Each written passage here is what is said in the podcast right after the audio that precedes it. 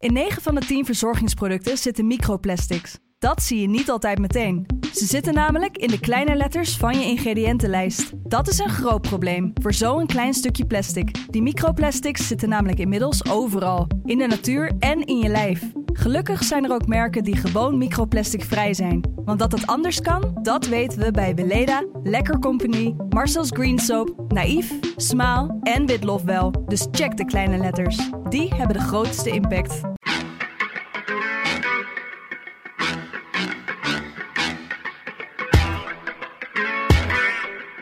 Dit is, dit is het land van Wierde. Een podcast van de Telegraaf met analyses op het nieuws die u elders niet hoort. Met Wierde en Robert Ophorst. Ik zag jou vanochtend voor dag en dauw al een, eh, een foto twitteren. Je was op een eh, verlaten snelweg, pikken donker, dichte mist. Ik Nou- dacht, ben je nou al eh, zo vroeg onderweg naar de podcaststudio? Nee, die snelweg was ook helemaal niet zo verlaten juist. Ik was onderweg naar de studio van WNL voor Goedemorgen Nederland. En zoals altijd viel mij op hoe krankzinnig veel mensen dan alweer op de been zijn. Eh hardwerkend Nederland zoals Ja, het heet. Hè? je, je, je moet wel toch? Als je schilder bent en je moet naar de Randstad, dan eh, moet je eigenlijk om vijf uur al vertrekken Precies, iemand uit Friesland reageerde op die, dat fotootje van mij. Die zegt, joh, ik ben, jij, jij denkt dat je vroeg bent. Ik ben veel vroeger. Die was al gewoon eh een uur eerder of zo in Dokkum, meen ik, op de, Ja. in de auto gestapt om een klus te doen in de Randstad. En dat vinden die mensen allemaal vanzelfsprekend. Nou, daar heb ik ontzettend veel respect voor. En dan vind ik het altijd zo tragisch om maar weer eens politiek te worden. Dat dan zo'n groot deel van hun inkomen dan naar de Belastingdienst gaat. Die daar dan weer de, de regering, het kabinet eh, eh, cadeautjes mee gaat uitdelen. Hè, el- elders in de wereld of weet ik veel. je begint nu- je begint nu- subsidies. Je begint nu al met je linkse praatjes. Maar, maar jij dacht Nee, niet van... rechtse praatjes. je, je, je dacht niet van, eh, ik ben op de nationale televisie, ik scheer die baard af. Nee, die had ik, eh, dat was ook een ding inderdaad, de baard. Eh, ik had beloofd aan mensen van, eh, om de baard maar te laten zien. Dus ik dacht van, nou ja, dat voor dat Ja. miljoenen publiek van, eh van de Goedemorgen Nederland. Wat geen miljoenen publiek is hoor. Maar ehm, dan laat ik het één keer toon ik mij met baard en dan scheer ik hem vervolgens wel af. Dus ehm, een uniek fragment vandaag. We discovered a very large comet. Oh, good for you. It's headed directly towards Earth. This comet is what we call a planet killer. At this exact moment, I say we sit tight and assess. How big is this thing, though? Like, can it destroy my ex-wife's house? Is that possible? There's a 100% chance that we're all going to die. Ja, ik denk dat ik de allerlaatste was in Nederland, maar ik heb hem dan ook gezien hoor, de Netflix film eh, Don't Nu Look pas. Up. Ja, nu pas, ja. ja. ja. de wereld dreigt te vergaan hè, door een gigantische komeet, maar de wereld wil niet luisteren naar die waarschuwing, want de wereld is te druk met allerlei media-hypes en eh, celebrity-ruzietjes. Nou, dan vat ik het even kort samen, maar een dag later zat ik op mijn eh, favoriete site, The Daily Mail, en daar zie ik hoofdrolspeler en klimaatactivist Leonardo DiCaprio prins heerlijk op een mega-jacht dobberen voor de Caribische kust. Hij kreeg naar verluid eh, 30 miljoen dollar voor zijn rol in Don't Look Up. En dat gun ik hem natuurlijk van harte. Net zoals ik hem eh, zijn 10 vakanties per jaar gun. Maar eh, zo wil ik ook wel klimaatactivist zijn. Ja, dat is wel heel aantrekkelijk inderdaad. Ehm, eh, zo krijg je mij ook als klimaatactivist hoor. Als je zegt van je mag dat jacht erbij hebben en 30 miljoen, dan Ja, toch? doe ik dat graag. Ja, ik ben me trouwens bewust van de, de ironie dat ik me meteen na het zien van eh, Don't Look Up naar de Daily Mail spoed om het te verlekkeren aan de vakantiekiekjes van Leonardo DiCaprio. En me daar druk om maak in plaats van klimaatverandering. Laten we beginnen. De wereld zoals we die kennen, eh, die vergaat. Dat is eh, ook de korte boodschap van een groot stuk in eh, het tijdschrift The Spectator. Die verwoesting komt in dit geval niet door een komeet, maar door de ontwikkeling dat macht en rijkdom in toenemende mate in handen komen van een heel klein bevoorrecht groepje technocraten. Bezit wordt in dat toekomstbeeld voor de middenklasse een onbereikbare luxe. Een koopwoning die is al helemaal uitgesloten. Zelfs onze meubels moeten wij gewone stervelingen straks leasen van de grote bedrijven en die samen een controlestaat vormen. Welcome to the end of democracy heet het artikel heel opbeurend. Eh, jij geeft het op Twitter vijf sterren, Wiert, en je noemt het een adembenemend stuk. De beste analyse van het huidige neofeudalisme die ik in lange tijd las. Leg eens even uit, wat, wat is dat neofeudalisme? Eh, ja, dat is een stuk van eh, Joel Kotkin. Dat is een beetje de Josse de Voogd eh, van de Verenigde Staten. De hè. sociaal geograaf die ook de atlas van afgehaakt Nederland heeft samengesteld samen met. René Couperus, waar we het vorige podcast over hadden. New York Times die noemt hem dan de Uber eh, Geographer. Dus hij, hij schrijft veel over steden, over geografische ontwikkelingen, ook electorale ontwikkelingen en zo. En Kotkin die komt in deze de, de vlijmscherpe analyse tot ehm, de conclusie dat ehm, een hele kleine groep van superrijken eigenlijk. Uh, niet alleen uh, het grootste gedeelte van de welvaart in de wereld en gewoon ook puur gewoon het geld um, bijeen heeft weten te harken en aan het harken is, maar ook met die rijkdom um, eigenlijk zeg maar de, de, instituties hè, die de democratie uh, vestigen of de democratie ook moeten bewaken, ook aan het opkomen, ook opkopen zijn. Hè? Zoals um, nou, de media bijvoorbeeld, uh, de sociale media natuurlijk sowieso. Hè?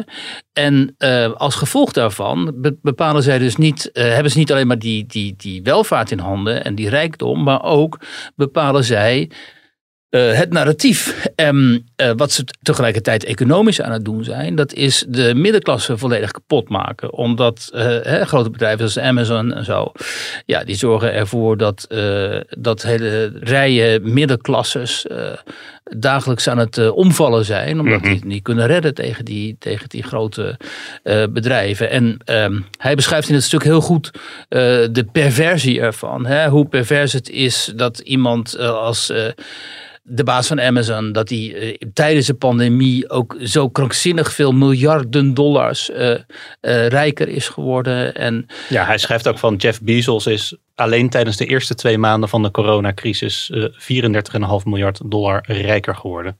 Ja, moet je je voorstellen. Ja. En, Op papier um, dan, hè, is dat altijd. Dat, dat is zo, maar ja, hè, je begon net over Leonardo DiCaprio. Ze kunnen zich, want die is ook natuurlijk een vertegenwoordiger van deze klasse. Uh, ze kunnen het zich wel allemaal uh, veroorloven. En uh, hij gebruikt ook echt de goede, de goede termen ervoor. Hij heeft over de, de nieuwe prinsen en de nieuwe oligarchen en, en hun fiefdams, dus hun, hun, feudale rijkjes.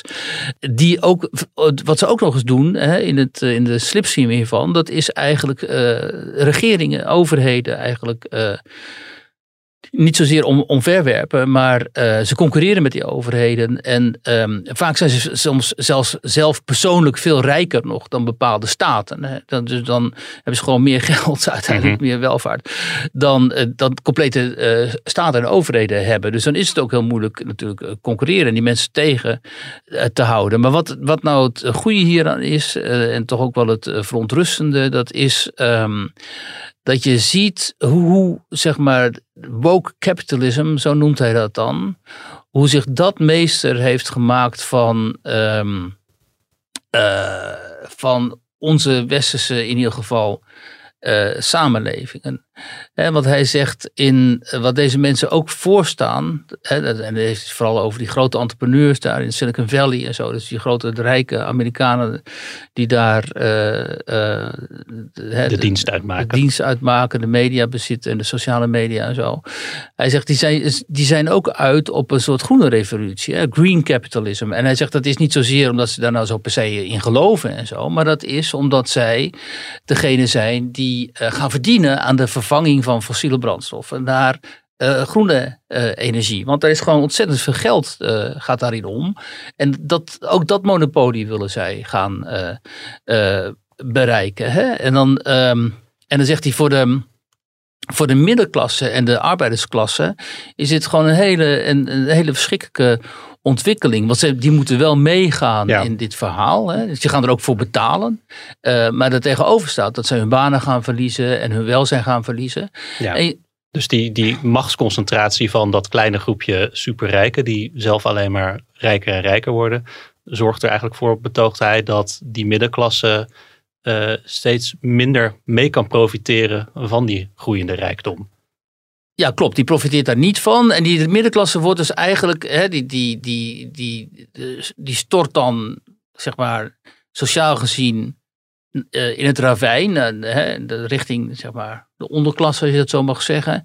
En die, die, die mensen worden dan een soort nieuwe slaven. Hè, in het, in het, in, ja. Krijgt een soort slavenbestaan. En dat is ook het parallel met het feodalisme dan. Ja, precies. Dus je hebt dan die oligarchie daarboven en die heeft dan een enorm reservaat aan, uh, aan uh, werknemers, hè, die vaak ook in hele onzekere posities verkeren. Nou, dat zien we hier in Nederland immers ook. Hè. Heel veel mensen zitten in flexbanen, ZZP'ers. En dus maar vaak krijgen mensen per dag de opdrachten, weten ze helemaal nog niet ja. wat ze moeten gaan doen en zo. En hij, hij ziet dat uh, alleen, dit proces alleen maar voortschrijden. Um, waardoor mensen um, die nu nog tot de middenklasse behoren, uh, ook een heel onzeker bestaan gaan leiden. En dan uiteindelijk met als gevolg wat jij zegt, dat die jongere generaties, want hij zegt het zijn vooral de jongeren die hierdoor bedreigd worden, dat die uh, zich helemaal niet meer kunnen verbeteren ten opzichte van hun ouders. Slecht, erger nog, dat ze in een slechtere situatie terecht zullen komen, sociaal-economisch, waarin ze niet alleen geen huizen kunnen kopen, dat is in Nederland immers al het geval, maar ook onzekere banen terecht zullen komen en waarschijnlijk zelfs ook echt moeite zullen krijgen om zich bezit toe te eigenen, waardoor ze dingen moeten gaan huren. Ja. dat ze op een gegeven moment zelfs hun, hun, hun meubels zullen moeten gaan, gaan leasen. Wat dan ook Amazon natuurlijk gaat, uh, gaat dat gewoon uh, mogelijk maken. Ja. die gaan natuurlijk zeggen, hier, hier kun je meubels leasen en hier kun je dat leasen. En zo. Nou ja, dat is natuurlijk nu al aan de gang inderdaad. Je koopt geen DVD meer van Don't Look Up, maar je streamt hem. Dus het, je hebt hem eigenlijk feitelijk niet, niet eens in je bezit. Dat is dus al gaande. En, en het interessante is dan uh, dat sommige mensen die vinden dit dan heel fancy en die vinden dit zogenaamd uh, heel erg uh, aantrekkelijk. Want ja, wie moet er nog een auto bezitten en zo? Is allemaal onzin, kun je met elkaar delen. En dus die maken daar een soort progressief positief verhaal van. Terwijl uiteindelijk dient dit alleen maar de belangen van deze enorme ondernemingen.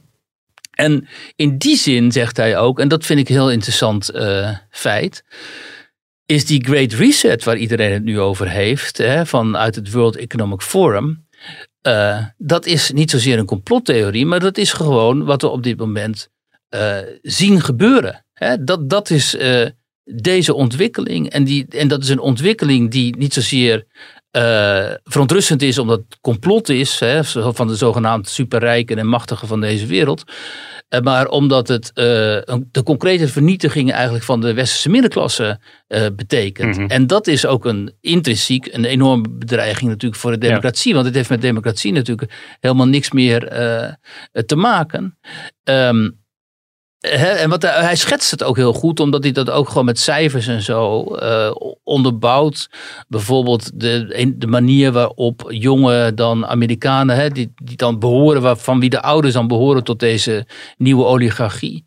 Uh, hoe die alleen al door, uh, vanwege erf, de erfenissen die ze gaan krijgen, levenslang ook zelf niet alleen deel zullen uitmaken van die, van die superrijke klasse, maar ook op een krankzinnige manier ja. nu al al hè, enorm, veel, uh, enorm veel rijkdom. Ja. Nou ja, hij noemt ook dat je, uh, je je niet zozeer meer omhoog werkt, maar dat er een toenemend aantal jongeren nu al verwacht dat ze in de toekomst afhankelijk zijn van de erfenis van hun ouders om te kunnen overleven. Ja, maar, inderdaad. Ze hebben die erfenis nodig, niet, ja. want ze kunnen zelf het kapitaal niet meer opbouwen. Ze hebben dus geen pensioen. Ze hebben geen pensioen, dus ze hebben die erfenissen nodig om uiteindelijk zelf met pensioen te kunnen. Ja. Tegelijkertijd zegt hij wel van, uh, haalt hij ook een polletje aan waarin hij dan zegt van een toenemend aantal of een groot aantal jongeren maakt zich ontzettend zorgen om de toekomst uh, vanwege de klimaatverandering. En dan denk ik wel van, ja, je bent er natuurlijk ook zelf bij als middenklasse en als jongere. Uh, zeker, we noemden net hè, dat corona werkt als een katalysator voor die uh,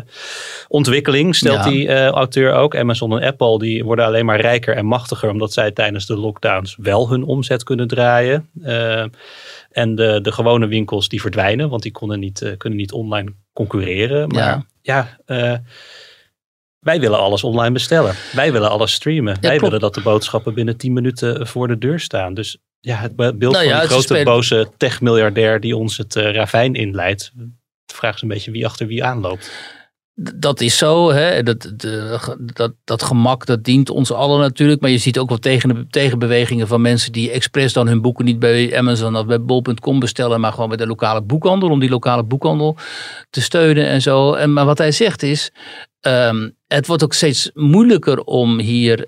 Um, om je hier tegen te verzetten, omdat net als in de middeleeuwen de, de, destijds de clerus, zeg maar, uh, en, en de, de powers that be, dus de, de niet alleen de, de, religieuze clerus, maar ook de machthebbers, de informatie, hè, de informatie uh, monopoliseerden. Hè. Mm -hmm. um, pas tijdens, vanwege de boek, boekdrukkunsten uiteindelijk is informatie ook tot het volk uh, gekomen, zeg maar. En, en al snel was er dan ook censuur en zo. Nou, er is altijd sprake geweest natuurlijk van censuur door de machthebbers. En hij zegt, uh, dat is nu natuurlijk ook het geval, omdat deze, deze oligarchen, die bepalen uit, uiteindelijk welke informatie er tot ons komt. Als Donald Trump ongewenst is, dan censureren zij gewoon de president van de Verenigde Staten. Die gooien ze gewoon van Twitter. Mark Zuckerberg bepaalt wat jij wel en niet op Facebook mag zetten. Zuckerberg bepaalt de informatie die jij krijgt. En, uh, en dat is niet alleen maar omdat Donald Trump dan weer iets, uh, iets buitenistigs heeft geroepen, maar hij zegt ook informatie over klimaat, maar ook over het coronavirus enzovoort. Dat wordt gescreend en dat wordt gecensureerd als het hen onwelgevallig is. Dus is het, je moet al heel veel moeite doen om uh, informatie te krijgen die buiten het narratief valt dat door deze grote corporaties uh, aan het publiek ja. wordt uh, he, toe, ja, dat, toegediend eigenlijk. Precies, en voor de mensen die dan, als je nou denkt van, daar heb je ze weer met die, met die complottheorieën, maar het is natuurlijk al nu al aan de gang in bijvoorbeeld ook China, waar Google meewerkt met de Chinese overheid om bepaalde zoekresultaten niet weer te geven. Dus dat het gaat niet alleen om uh, of, of, jij de goede of foute woke-opvatting mag hebben, maar uh, gewoon als jij googelt naar democratie, dan krijg je in China een heel ander resultaat dan wanneer je dat doet in, uh, in Nederland. Nou ja, precies dat. En ze gaan daarin uh, in mee. Sterker nog, het komt hen ook goed uit. En dan is het uh, wel begrijpelijk dat mensen zeggen van... oh kijk, uh, al die maatregelen rond corona en zo... dienen er uiteindelijk toe om zo'n sociaal kredietsysteem... als in China op te tuigen. En misschien is dat niet het geval. Maar aan de, aan de andere kant is dit wel Wat we net beschreven hebben, dat is wel uh, een feit, dat is een ontwikkeling die uh, nu gaande is. En uh, die hen, die deze mensen, deze groep van mensen, heel goed uitkomt. En um, kijk, uiteindelijk en wie, wie, maken, wie, wie, zijn, wie maken hier nou deel van uit en wie hopen hier deel van uit te maken? Nou, dat zijn natuurlijk altijd mensen die en heel slim zijn en heel hoog opgeleid en al contacten hebben met dit milieu en, zich, en zich daarin kunnen bevinden omdat ze banen vinden binnen, deze, hè, binnen, binnen dit milieu. Dat zijn natuurlijk niet de lager opgeleide arbeiders die nog min of meer verkeren in het industriële tijdperk. Um, en en je moet dus, dat schrijft hij ook, uiteindelijk zul je dus, krijg je dus, valt de macht echt in handen van een hele kleine groep zeer hoog opgeleide, zeer intelligente, zeer slimme mensen die zich weten te bewegen in, in die wereld. En die ook de, de, de wetten en de mores van die wereld kennen. En ook gewoon geëquipeerd zijn qua opleiding en zo. Om daarin uh, te werken. En de rest zal worden gezien als van ja, dat is gewoon hè, dat is de masses, zeg maar. Hè. Dus, en af en toe krijgen die masses dan, dat schrijft hij ook, dat is ook heel, heel aardig. Die krijgen dan wat, um, wat uh, kruimels toegeworpen in de, in de, in de vorm van uh, drugs. Uh, hij zegt, hij heeft over drugs, seks en video's. Nou ja, de, de massa mens, hè, de, dan, die massa mens is dan onderworpen zeg maar, aan deze uh, oligarchie. En die krijgt in de vorm van entertainment en zo. Wat ook in hun handen is. Want Amazon gaan een MGM kopen bijvoorbeeld. Dus dat, dat valt ook in hun, hun handen. MGM is een grote filmstudio, toch? Ja, ja, ja. En dus um, ze maken zich helemaal meester van de wereld van, de, van, de, van het entertainment, van de informatie, deels ook gewoon van de, van de uh, politiek, media. En uh, daarmee kunnen ze die massa's bespelen. En nu is het interessante, vind ik ook, dat. Um, je hebt dan, ook in Nederland heb je dat wel, hè, die Sander Schimmelpenning die begon er laatst over, kritiek op de massamens. Want, en dat is ook zo interessant, want mensen zoals zo'n Schimmelpenning, die zijn dan zo uh, gebrainwashed door deze ideologie eigenlijk. Dat hij niet ziet, want nee, ik moet, er een stap voor afgaan. Die gaan dan kritiek leveren op die massamensen. Dus op het consumentistische gedrag van die mensen. Dus van die steeds groter wordende onderklasse. Die wordt uitgebreid nu hè, in de komende jaren. Met mensen uit de middenklasse die gaan terugvallen in die onderklasse. En dan gaan ze gedrag van deze mensen bekritiseren. Die zijn te consumentistisch. Ze reizen te veel. Hè, al die goedkope tickets en zo. Dat moet niet. Ze komen af en toe in opstand. Hè, die schimmelpenning die pleit de laatst toch bij op één van. Er moet strenger gehandhaafd worden. Dus de ME moet nog harder slaan dan ze al doen. Nou, ze slaan al behoorlijk hard. En die honden die bijten ook al flink en zo. Dus met andere woorden, die, die, die, hele grote, die steeds groter wordende groep van mensen die in die precaire situatie terechtkomen, precariaat noemen we dat, die worden schuldig gemaakt uh, uh, aan hun eigen precaire positie. Terwijl de schuld ligt natuurlijk niet bij hun. De schuld ligt bij deze superrijken, die uh, niet bezig zijn om die massa's te verheffen, zoals vroeger min of meer het geval was, uh, maar die bezig zijn om hun eigen rijkdom te consolideren, zichzelf ook steeds verder af te zonderen van de, hè, van de wereld van de normale mensen, zeg maar. Hè, want ze leven allemaal in die gated communities en ze zitten op zo'n enorm jacht als Leonardo DiCaprio.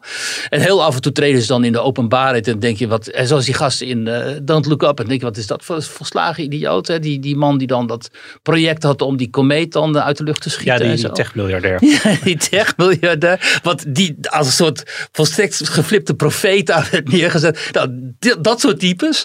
Hè? En, uh, maar, maar die, die zijn niet meer bekritiseerbaar, want ze zijn onaanraakbaar geworden. Want er is op een gegeven moment geen politieke ruimte meer mm -hmm. waarin deze mensen uh, nog uh, bekritiseerd kunnen worden. Want, ja. En het zijn ook de mensen die de enige mensen die de oplossing hebben voor de problemen die er zijn. Dat, Ze hebben alles in, in handen. Zij wel. besluiten. Precies, en, mooi naar voren. Hij, die techmiljardair is de, ik weet even niet meer hoe die heet, maar hij is de enige die eigenlijk de uh, middelen heeft om die komeet te stoppen op dat moment. Ja, precies. En hij had al die, die president, uh, die had Meryl die had hij al in zijn zak zitten. Hè? En dat is precies wat uh, Kotkan ook beschrijft van het lijkt nu net alsof er een soort idealistisch links programma bestaat om het klimaat te redden. Hè? Dan wordt zo'n zo Greta Thunberg wordt ingevlogen of Bono of weet ik veel wat. En die gaan ons dan toespreken en zeggen dat het klimaat moet worden gered. Maar wat erachter zit, schrijft hij, dat zijn deze, deze corporaties die enorm veel geld gaan verdienen ja. met die, uh, zoals de Duitsers noemen, energiewende. Omdat er gewoon heel veel geld in te verdienen valt. Ja. Onder het motto van en dat is dat woke capitalism. Onder het motto van we gaan de aarde redden. Maar wat ze in feite doen is met het hele project van hun de onderklasse en de middenklasse nog verder verpauperen. Zodat uiteindelijk, nou, wat ik al eerder zei, een groot, groot, groot, uh, een mm groot diffuse massa ontstaat die uh, ook in democratische zin ja. niks meer in de melk te brokkelen. Je zegt het nu wel alsof ze dat heel bewust doen. Uh, maar wat hij ook beschrijft, is dat uh, die nieuwe machtshebbers uh, bij uitstek degene zijn die kunnen profiteren ook van het klimaatbeleid. Dus de miljarden aan investeringen, belastingkortingen en stimuleringsfondsen, of miljarden, het zijn uh, biljarden geloof ik, zelfs op biljoenen. Ja. Dat, dat weet ik nooit. Wat komt er nou na een miljard? Een, miljard. een biljoen. Een biljoen, ja. ja. De biljoenen aan, aan, aan kortingen en een stimuleringsfonds waarmee wordt gestrooid. Zij zijn bij uitstek degene die daarvan kunnen profiteren. Uh, en wat er met de gewone man gebeurt, zagen we misschien deze week wel in Groningen. Uh, daar stonden dus bijna 2000 mensen in de kou uh, in de rij voor het gemeentehuis met een subsidieaanvraag. die 10.000 euro die bewoners konden krijgen in dat aardgasgebied. Weet je. Nou, precies dit. Kijk, maar, en, dat, en dat op kleine schaal. Hè, maar um, die, die Groningers die daar als een soort verpauperde bedelaars naar zo'n kantoortje mochten lopen om daar die 10.000 euro te claimen. En aan het eind van de dag was het geld op. Uh, dus die krijgen de kruimels. Dat zijn de mensen die de kruimels krijgen toegegooid. Van je mag een beetje hopen op een beetje geld. Terwijl op het bordes daar in, uh, in, uh, in de Randstad, zullen we maar zeggen. Daar stond dan het nieuwe kabinet. Hè, het nieuwe kabinet Kaag 1 eigenlijk. Dat voor een heel groot deel deze ideologie ook vertegenwoordigt. uiteindelijk van van het, van het green capitalism, die stonden daar te glunderen naast de koning. Terwijl zich ondertussen daar in Groningen een kleine tragedie aan het uh, afspelen was. Dat is precies wat die, uh, en dan in kleine zin, wat die Kotkin hier hyperbolisch uh, aan het beschrijven is over de toekomst. Um, en het interessante is nu dat de, de, de, mensen die, vooral mensen van, die op D66 zullen hebben gestemd, want dat is dan toch nog een beetje, hè, een beetje linksige partij, althans sociaal-liberaal dan, dat die zich dit niet zullen realiseren. Die zullen denken dat ze hè, door groen te zijn of door, um, door uh, zeg maar uh, emigranten binnen te halen hè, en door al die andere programmapunten die ze dan hebben, dat ze daarmee uh, de, de samenleving ten goede komt. Dat dat de samenleving ten goede komt. En de, en de burgers. Terwijl uh, dat programma wat ze uitvoeren, komt uiteindelijk deze superrijken um, ten goede. Want ook als je asielzoekers, arbeidsmigranten binnenhaalt en zo, dan is het nadelig voor het precariaat. Want die verliezen hun banen, die worden weggeconcureerd aan die onderkant van de arbeidsmarkt. die krijgen steeds moeten steeds eh, meer genoegen nemen met, goed, met lage lonen. Wie profiteren van die lage lonen? Ja, het zijn precies deze, deze mensen natuurlijk. En die kritiek, ehm, deze kritiek uh, komt veel te weinig van, van links, omdat links zich veel te veel heeft laten, uh, zeg maar, rad voor de ogen laten draaien, ook door dit type ideologie. En het komt op dit moment, en dat schrijft hij ook trouwens, veel meer van rechts, omdat rechts ook uh conservatief is. Hè? Het conservatief rechts, zeg maar niet liberaal rechts, maar conservatief rechts. En uh, die houden niet van dit soort praktijken. Hè? Die willen gewoon, uh, die staan voor de nazistaat en die staan toch ook wel voor uh, gemeenschapszin en voor het kleinere, voor het volks, voor de, de, de, kleine gemeenschap en zo. En daar staat dit allemaal haaks op. En, en dus ik denk dat links zich behoorlijk ehm, vergist heeft. Dat zie je ook als allerlei columnisten en zo en andere commentatoren zich eigenlijk uh, in dienst stellen of laten stellen um, van dit systeem dat eraan zit te komen. Maar goed, uh, die profiteren daar zelf ook rijkelijk van en worden ook rijk, rijk met dat soort kritiek op de vertegenwoordigers van het precariaat die zich niet goed gedragen en die niet in de pas, pas lopen. Ja, heb je de vorige podcast ook geluisterd, dan weet je het nog wel. We deden een oproep aan jou, de luisteraar, om mee te denken over een, een nieuwe rubriek. En we vonden de Wokenweek wat, wat sleets worden en we dachten het is tijd voor iets nieuws. We riepen je op om mee te denken. Wat zou jij nou een leuke, nuttige of goede nieuwe rubriek vinden voor deze podcast? Je kon mailen naar podcast.telegraaf.nl. Dat kan nog steeds. En dat hebben we geweten. Ik, uh, ik ben echt onder de indruk, Wiert, wat er uh, binnenkwam. Niet alleen de hoeveelheid, maar ook de gedetailleerdheid van de voorstellen en ideeën. Ja, dat was hartstikke leuk. En inderdaad, uh, echt veel ook hele lange mails. Althans, lang in de zin van gewoon informatief en onderbouwd. En ehm, ja, dan blijkt toch wel dat de podcast goed beluisterd wordt. Ook en de mensen willen meedenken over de ja. inhoud ervan. Het is hartstikke ik, ik, ik zal er even in ieder geval eentje voorlezen. John die mailt, ik stel voor dat er een nieuwe rubriek komt met als invalshoek de oplossingen. Uh, nu is de podcast van Wiertuk erg in het teken, staat hij erg in het teken van problemen, waarvan de meeste dreigend en nogal somber zijn. Nou, we hebben net weer een heel, heel verhaal ook gehoord wat daarin past. Lijkt me leuk om ook een hoekje in te ruimen voor de oplossingen als tegengif. Naamrubriek berichten van het ministerie van Oplossingen. Nou, ik ben altijd heel erg voor oplossingen. Dus dit is uh, mij uit het hart gegrepen. Ik, ik, lees er nog even eentje voor. Felix die mailt, is het misschien leuk om de huidige politieke sociale gebeurtenissen te koppelen aan een vergelijkbare gebeurtenis in de geschiedenis. Aangezien de geschiedenis zich meestal herhaalt, omdat we er niets van leren. Neem de migratiecrisis. In de Europese geschiedenis zijn grote migratiegolven geweest. Hoe ging men er toen mee om? Lijkt me voor jou als historicus toch ook een... Uh, leuk, ja.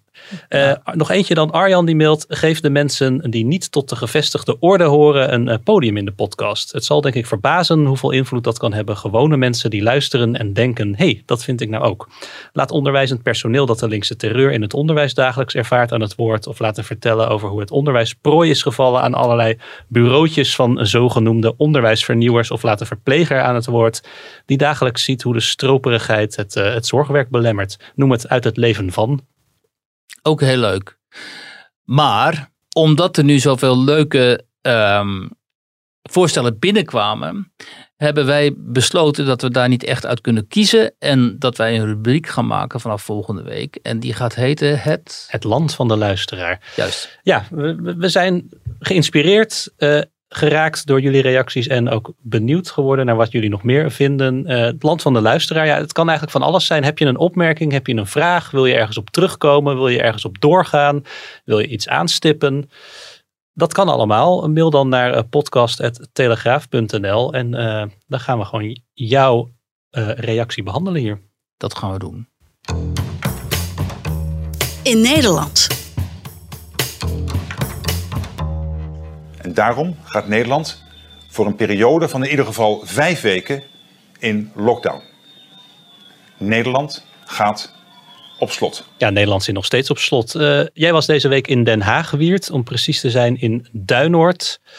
Ook daar zit het op slot, maar niet helemaal, geloof ik.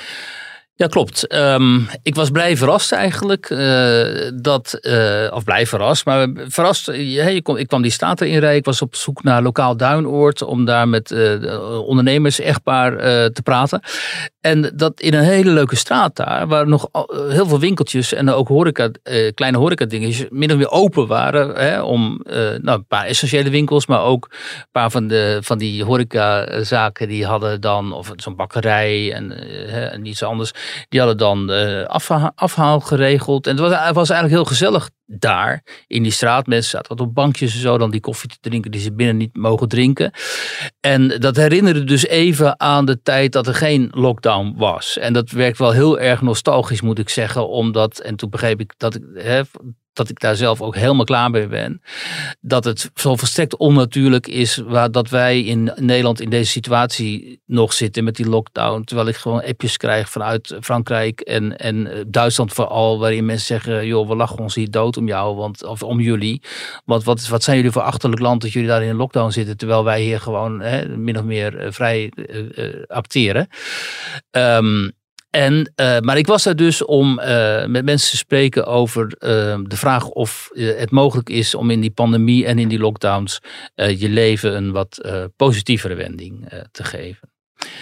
Nou, um, op die vraag uh, hebben ook heel veel mensen gereageerd. En onder andere Alexander Roep en zijn vrouw uh, Sarah, die hebben daar een bar bistro. Dat heet, die heet dus Lokaal Duinoord. En ja, die zijn ook door de lockdown behoorlijk gedupeerd geraakt. Omdat ze al heel lang uh, dicht zijn, dan weer eventjes open en dan weer dicht. En... Um, wat zij vertelde was eigenlijk eh, heel hartverwarmend, namelijk dat zij met andere horecaondernemers bij hun in de wijk, maar ook in heel Den Haag eigenlijk op een gegeven moment uh, elkaar zijn gaan steunen. Dus MKB'ers die elkaar dan uh, van informatie voorzien, maar ook elkaar helpen met inkopen en zo. En wat bijvoorbeeld um, uh, in het geval van uh, hun bistro was ge gebeurd, is dat zij op een gegeven moment dan ook een afhaalmogelijkheid uh, gecreëerd. Uh, dan kon je de hamburgers en saté en zo afhalen. En dat vlees dat kochten ze dan bij de slager verderop, de buurtslager, die ze natuurlijk wel kennen. Want Alexander is zelf ook als slager opgeleid. Dus hij werkte af, werkte af en toe ook wel eens in, in die slagerij en zo. En nou ja, die rekeningen, die facturen, die liepen op tot echt wel substantiële bedragen en zo. En op een gegeven moment zegt die slager van joh, uh, ik draai top omzetten en jullie staan uh, helemaal stil, want uh, bij jullie is het bijna, nou, jullie zijn dicht. Dus laat maar zitten, betaal maar niet. En dan gaat het echt om duizenden euro's. Zo. Dat is ontzettend aardig. En um, nou, zo proberen die MKB'ers daar in Den Haag dan, en vooral in die wijk, elkaar een beetje door die, door die winter te helpen. De lockdown de lockdownwinter. Ja, want we hebben het vaak over eh, het polariserende effect van corona. Hè, hoe het mensen uit elkaar drijft. Uh, maar hier zie je een voorbeeld van hoe het mensen bij elkaar brengt. Ja, hoe het mensen bij elkaar brengt. En het goede ook, dat vertelde hij ook, dat is op een gegeven moment, hij was eh, een van de initiatiefnemers van die uh, campagne waarin ondernemers daar in Den Haag allerlei borden aan hun gevels hingen met uh, binnenkort te huur zonder steun. Uh, maar, uh, meldt u bij makelaardij uh, Rutte en de Jonge. En daarna, daarna werd er nog makelaardij, meen ik, Hoekstra en Koolmees en zo. En nu is het makelaardij Rutte en Kuipers. En nu is het Rutte en Kuipers. En, en heel grappig is ook dat heel veel mensen daarin zijn getuind. Hè. Zelfs ook René van der Grijp, die had op een gegeven moment, was ook door Den Haag. En had hij ook al die borden gezien en zo. Die zei, zo, oh, ze zijn allemaal te huur. Die, die middenstand die gaat helemaal naar de knoppen en zo. Maar dat was dus een grap. Ja, um, of, of, dat de middenstand naar de knoppen gaat. dat dat is, ja, precies. Dat is wel waar.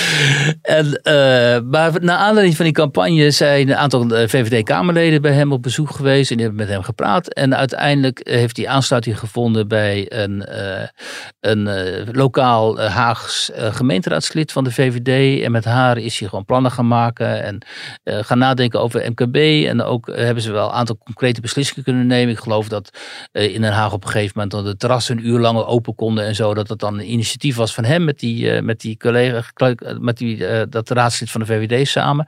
En uiteindelijk is hij gevraagd om uh, als uh, horecaman en MKB'er om dan op die lijst van de VVD te komen voor de komende gemeenteraadsverkiezingen.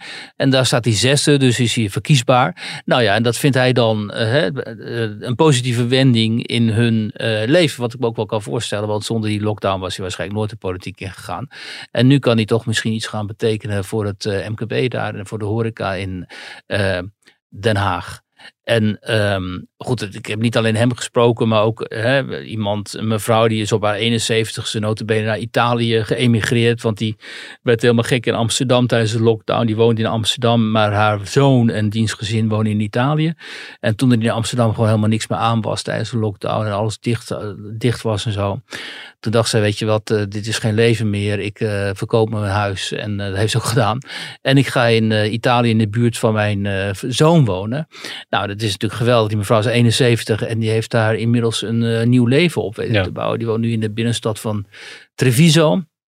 En, uh, en ook andere mensen, ik heb lang niet iedereen die mij had gemaild uh, kunnen opvoeren in het stuk. Hè. Ook andere mensen zeggen, ja, ik ben veel spiritueler geworden. Ik ben echt gaan nadenken van, wat wil ik nou precies met mijn ja. leven? Het deed me een beetje denken inderdaad aan de verhalen die je in het begin van de pandemie... Uh, Sorry, je staat een spatscherm en het valt nu bijna omver. Ja. Deed me een beetje denken aan de verhalen die je ook vaak aan het begin van de pandemie las en hoorde. Hè, van mensen die er toch iets goeds van proberen te maken. Of die door de crisis beseffen wat ze nu, uh, wat ze eigenlijk hebben in hun leven. Wat belangrijk is in hun leven. Ja. Ik, ik moet zeggen, ik vind het erg mooi. Maar ik heb toch ook wel heel erg behoefte aan een einde aan die lockdown en een einde aan uh, dit soort inzichten. Ik wil gewoon weer, wil gewoon weer terug naar normaal. Ja, natuurlijk. Kijk, het heeft ook wel met temperament van mensen te maken. Hè. Sommige mensen die vinden het wel prima, gewoon die stilte en die rust en zo. En andere mensen die houden veel meer van opwinding en gedoe en die willen graag de stad in en zo. Dus het heeft er wel heel, heel erg mee te maken wat voor, voor persoonlijkheid je bent. Maar ik kan me niet voorstellen dat er nog mensen zijn, nu nog, die denken, nou ik vind die lockdown wel prima. Volgens mij lopen we allemaal op het laatste standvlees. En uh, als die, dat kabinet morgen geen versoepelingen uh, aankondigt, dan, dan denk ik dat de, de, burgerrevolte nog wel ja. eens nog heftiger kan zijn worden dan die al is. Ja, we nemen dit op op donderdag, dus aan de vooravond van de persconferentie. Dus we gaan het, we gaan het zien. Ja, de term Bersiap die komt er niet meer in bij het Rijksmuseum. De term is geschrapt uit de tentoonstelling Revolutie Indonesië onafhankelijk omdat die racistisch zou zijn. Um, Wiert, leg nog even uit. Wat bedoelen we ook alweer met de Bersiap-periode? De Bersiap, dat is een periode van vlak na de oorlog in Indonesië, zo 1945, 1946. Toen uh, uh, zeg maar groepen uh, ontspoorde, gewelddadige jongeren daar op jacht gingen naar mensen die in hun ogen hadden hulden of hadden gehuld met het Nederlands koloniale bewind. Mm -hmm. En dan heb je het dus niet alleen over Nederlanders, maar gewoon over Indische Nederlanders, maar ook Molukkers, Chinezen. Chinezen zijn in Azië altijd de klos. Hè. Dat zijn de Joden van Azië. Als er ergens rebellie is, dan krijgen de Chinezen, omdat die vaak succesvol zijn en succesvolle handelaren, die worden dan altijd uh, gepakt in die landen. En het gebeurde hier ook. En um, dat heeft een paar jaar geduurd voordat er uiteindelijk uh, ingegrepen werd. En die, die jongeren die hebben echt dood en verderf gezaaid daar. En die hebben vooral veel ook uh, vrouwen en kinderen omgebracht. En niet alleen omgebracht, maar ook echt gemarteld en zo. Omdat die mannen vaak ofwel in de kampen zaten, hè, of, of geïnterneerd waren. Bijvoorbeeld bij de Burma spoorweg of zo werkt. Of in die Zaten. En um, en ik heb uh, met iemand gesproken die uh, expert is op dit gebied. En die uh, ook familie heeft die daarmee met die Bersiap te maken heeft gehad. En die vertelde echt dat, de gruwelijk, hoe dat op een gruwelijke manier ook ging. Hè? Dus niet alleen maar mensen doodmaken, maar ook eerst baby's en ja. kinderen. En zo spiezen. En nou, allemaal verschrikkelijk. En... Um, voor, dus voor de, de overlevenden en de nabestaanden van die mensen die daardoor geraakt zijn destijds, is dat een hele gruwelijke en trauma, traumatische periode uh, geweest. Ja. Waarvan, die, zoals de holocaust het is geweest voor uh, de Joden en andere groepen. En wat is dan die term Bersiap? Wat, wat betekent dat? Nou, dat riepen ze elkaar dus toe. Hè. Dat is wees waakzaam of wees paraat, zoiets. En dat was een soort strijdkreet mm. uh, dus van, van, die, van die jongeren. Um, en uh, nu heeft dus het Rijk, Rijksmuseum bedacht, uh, op initiatief van een, uh, van een curator. Ja, de gastcurator Bonnie Triana. Ja. Die schreef ja. ook in, een, in de NRC een stuk waarin hij dat schrappen van die term verdedigt. Ik vond het een warrig verhaal. Uh, hij schrijft onder andere als we het begrip Persiap in zijn algemeenheid gebruiken voor geweld dat tijdens de revolutie plaatsvond tegen Nederlanders, krijgt het een sterk racistische lading. Meer nog omdat het begrip Persiap altijd primitieve, ongeciviliseerde Indonesiërs als daders van de gewelddadigheden worden opgevoerd, wat niet geheel vrij is van rassenhaat. Al dus uh, Triana. Ja. Het is geen touw vast te knopen, toch? Nou ja, ik bedoel, wat zegt hij hier nou? Ja, volgens mij bedoelt hij van het was niet alleen gericht tegen Nederlanders. Hij schrijft ook nog de term was uh, eigenlijk vooral werd vooral door Nederlanders gebruikt. Ja. En met de term wordt een soort primitief uh, racistisch beeld geschapen van uh, de daders in dit geval. Ja, nou ja, ik heb dat ook een paar keer gelezen en probeer, geprobeerd te begrijpen, maar ik begrijp het niet. En uh, omdat er geen logica in zit in dat stuk. Over die alinea die je nu op, opzomt ook. Ik begrijp gewoon niet wat hij daar nu precies mee wil zeggen. Hoe, en hoe kan, hè, en die Bershap is bovendien gewoon historisch gedocumenteerd. Er zijn gewoon bewijzen van en er, zijn, er is documentatie mm -hmm. over. Is bekend wie dat waren en wat voor groepen dat waren en zo. En um, uh, het is ook specifiek. Het is ook niet zo dat daar de, de, de, zeg maar de nieuwe Indonesië de, de, van destijds machthebbers uh, op worden bekritiseerd, maar deze ja. groepen jongeren. Hè, dit, dit, gebeurde niet per se in opdracht van het nieuwe bewind of zo. Dus ik snap helemaal niet waarom uh, hij vindt dat dat dan racistisch zou zijn. Dan zou je dus ook kunnen zeggen dat het dus een kwetsend is voor Duitsers wanneer je zegt dat hun voorouders zich schuldig hebben gemaakt aan de Holocaust, wat toch toch ook een nogal behoorlijk gedocumenteerd feit ja. is. Nou ja, hij zegt natuurlijk ook niet zozeer van het, het heeft niet plaatsgevonden. Uh, alleen de naam die we eraan geven, die is problematisch. Ja, omdat, wat dat begrijp ik dan geloof ik nog wel, omdat je daarmee dan te generaliserend zou praten over al die ontwikkelingen en gebeurtenissen in die tijd. Althans, zo, voor, voor zover ik begrijp wat hij wil zeggen. Maar dan nog vind ik het spijkers op laag water zoeken. En ik denk dat hij dit, vooral dit doet, omdat dit voor de Indonesische overheid natuurlijk goed uitkomt. Omdat, he, omdat het is natuurlijk een schandvlek, schandvlek toch op het uh, moderne, uh, de geschiedenis van moderne Indonesië. En het is voor die Indonesische overheid ook wel aardig om een Nederlands instituut, wat in hun ogen ook een belangrijk instituut is, zoals het Rijksmuseum, om invloed te kunnen hebben op hoe die met zo'n periode omgaan en hoe die zo'n periode uiteindelijk presenteren aan het publiek. Dan kunnen ze natuurlijk zeggen van kijk eens hoe wij erin geslaagd zijn om in ieder geval uh, hè, de retoriek hierover, uh, uh, om daar invloed op uit te oefenen. Nou, dat weet jij ook als historicus. Kijk je altijd met de bril van het heden naar het verleden. er worden natuurlijk heel de tijd definities aangepast en ja, de, de, geschiedenis wordt een klein beetje herschreven misschien om overeen te komen met het nu. Hoe we er nu over denken en naar kijken waarom is dat dan problematisch?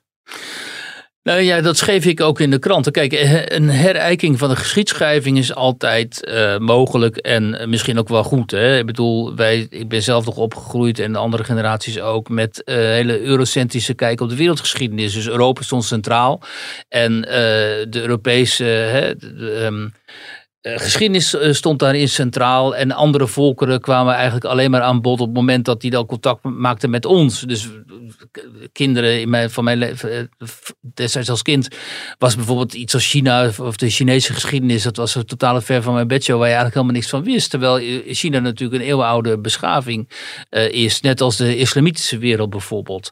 En uh, dat er vervolgens historici zijn geweest die zeggen van ja maar luister eens, zo kan dat niet hè die wereldgeschiedenis kunnen we niet alleen vanuit westerse blik beschrijven. Dat, dat is volstrekt juist.